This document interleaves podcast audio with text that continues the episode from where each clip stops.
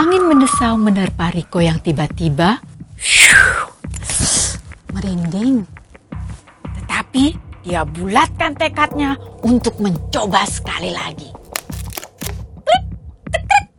Sinar blitz memancar menyinari rumah Kokolot. Dongeng pilihan orang tua.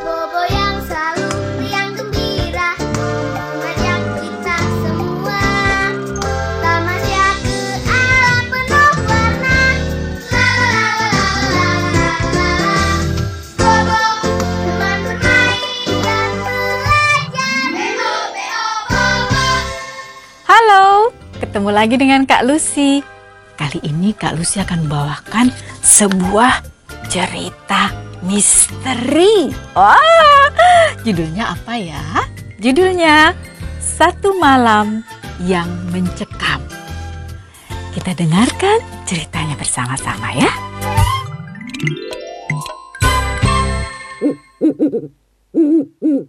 Riko memandang kegelapan pekat di hadapannya.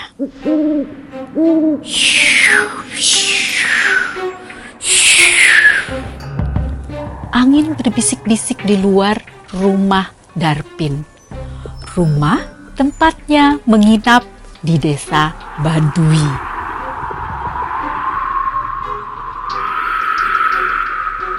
Ah, sama angin saja takut. Omel Riko di dalam hati.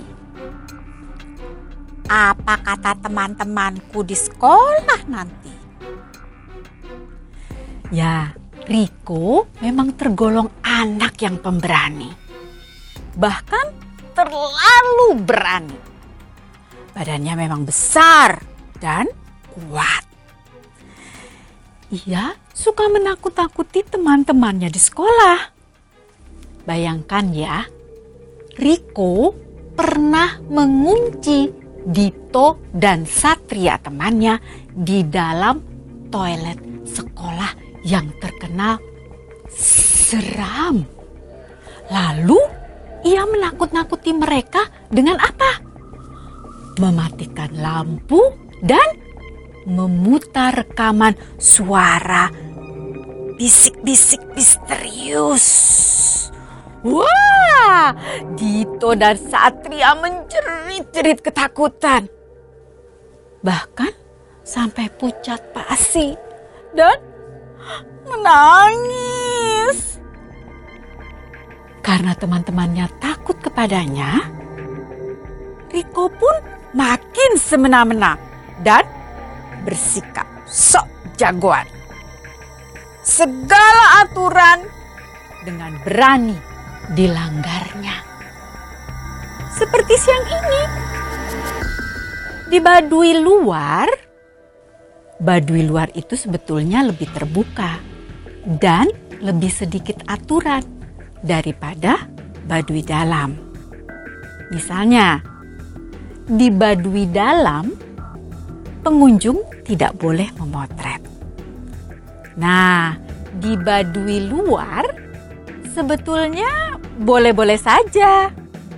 Tapi ada satu rumah yang tidak boleh dipotret, yaitu rumah kokolot atau kepala dusun.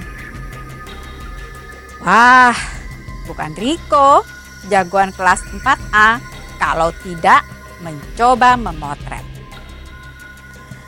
Setelah menoleh kiri, kanan, untuk memastikan tidak ada orang di sekitarnya, Riko mengeluarkan kamera digitalnya. Lalu, ditekannya tombol untuk memotret. Klik, klik. Dahi Riko berkerut bingung. Hmm, tombolnya seperti ada yang tertahan. Ya, hasil fotonya juga tidak ada. Riko mencoba lagi. Klik. Eh, kok tidak bisa? Klik. Eh. Klik. Klik. Hah, Nihil. Angin mendesau menerpa Riko yang tiba-tiba merinding. Dia bulatkan tekadnya untuk mencoba sekali lagi. Sinar blitz memancar menyinari rumah Kokolot. Ah, hasilnya ada juga nih. Berhasil aku. Riko melihat hasil potretnya. Tampak sebuah rumah Kokolot. Rumah kecil dari bambu. Hasilnya sama seperti aslinya. Tidak ada yang berubah. Gumamnya antara lega dan meremehkan. Hari itu semua berlangsung seperti biasa. Riko bermain-main dengan Darpin, teman barunya di Badui yang sepantaran dengannya. Sampai saat malam tiba dan kegelapan menyelimuti daerah itu. Begitu pekat dan sesak. Riko membentangkan jari-jarinya di depan matanya. Sama sekali tidak terlihat apa-apa. Lagi-lagi angin berbisik di luar. Suaranya semakin membuat eh merinding.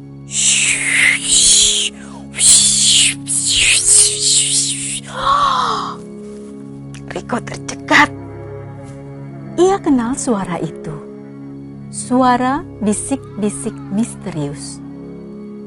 Mirip sekali dengan suara rekaman yang ia pakai untuk menakut-takuti Dito dan Satria di toilet sekolah.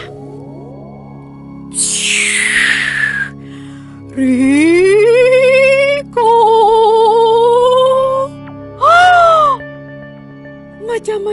Saja. Masa sekarang suara angin itu seperti memanggil namanya?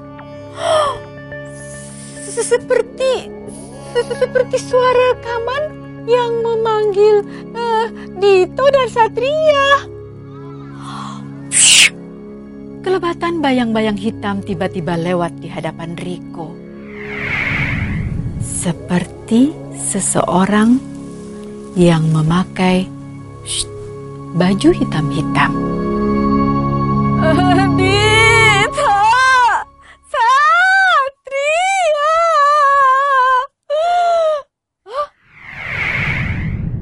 Cek! Dito dan Satria. Bagaimana mungkin angin memanggil-manggil nama Dito dan Satria seperti rekaman miliknya? Riko mulai ketakutan. Tiba-tiba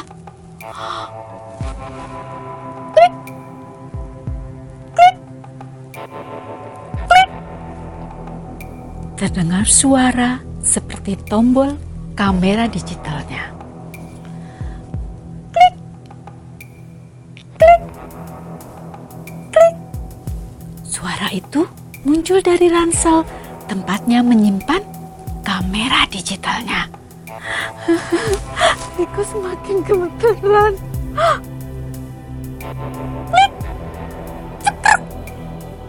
Tiba-tiba bayangan rumah dari bambu bermandikan cahaya muncul di hadapan Riko. Begitu terang di tengah-tengah kegelapan malam. Riko!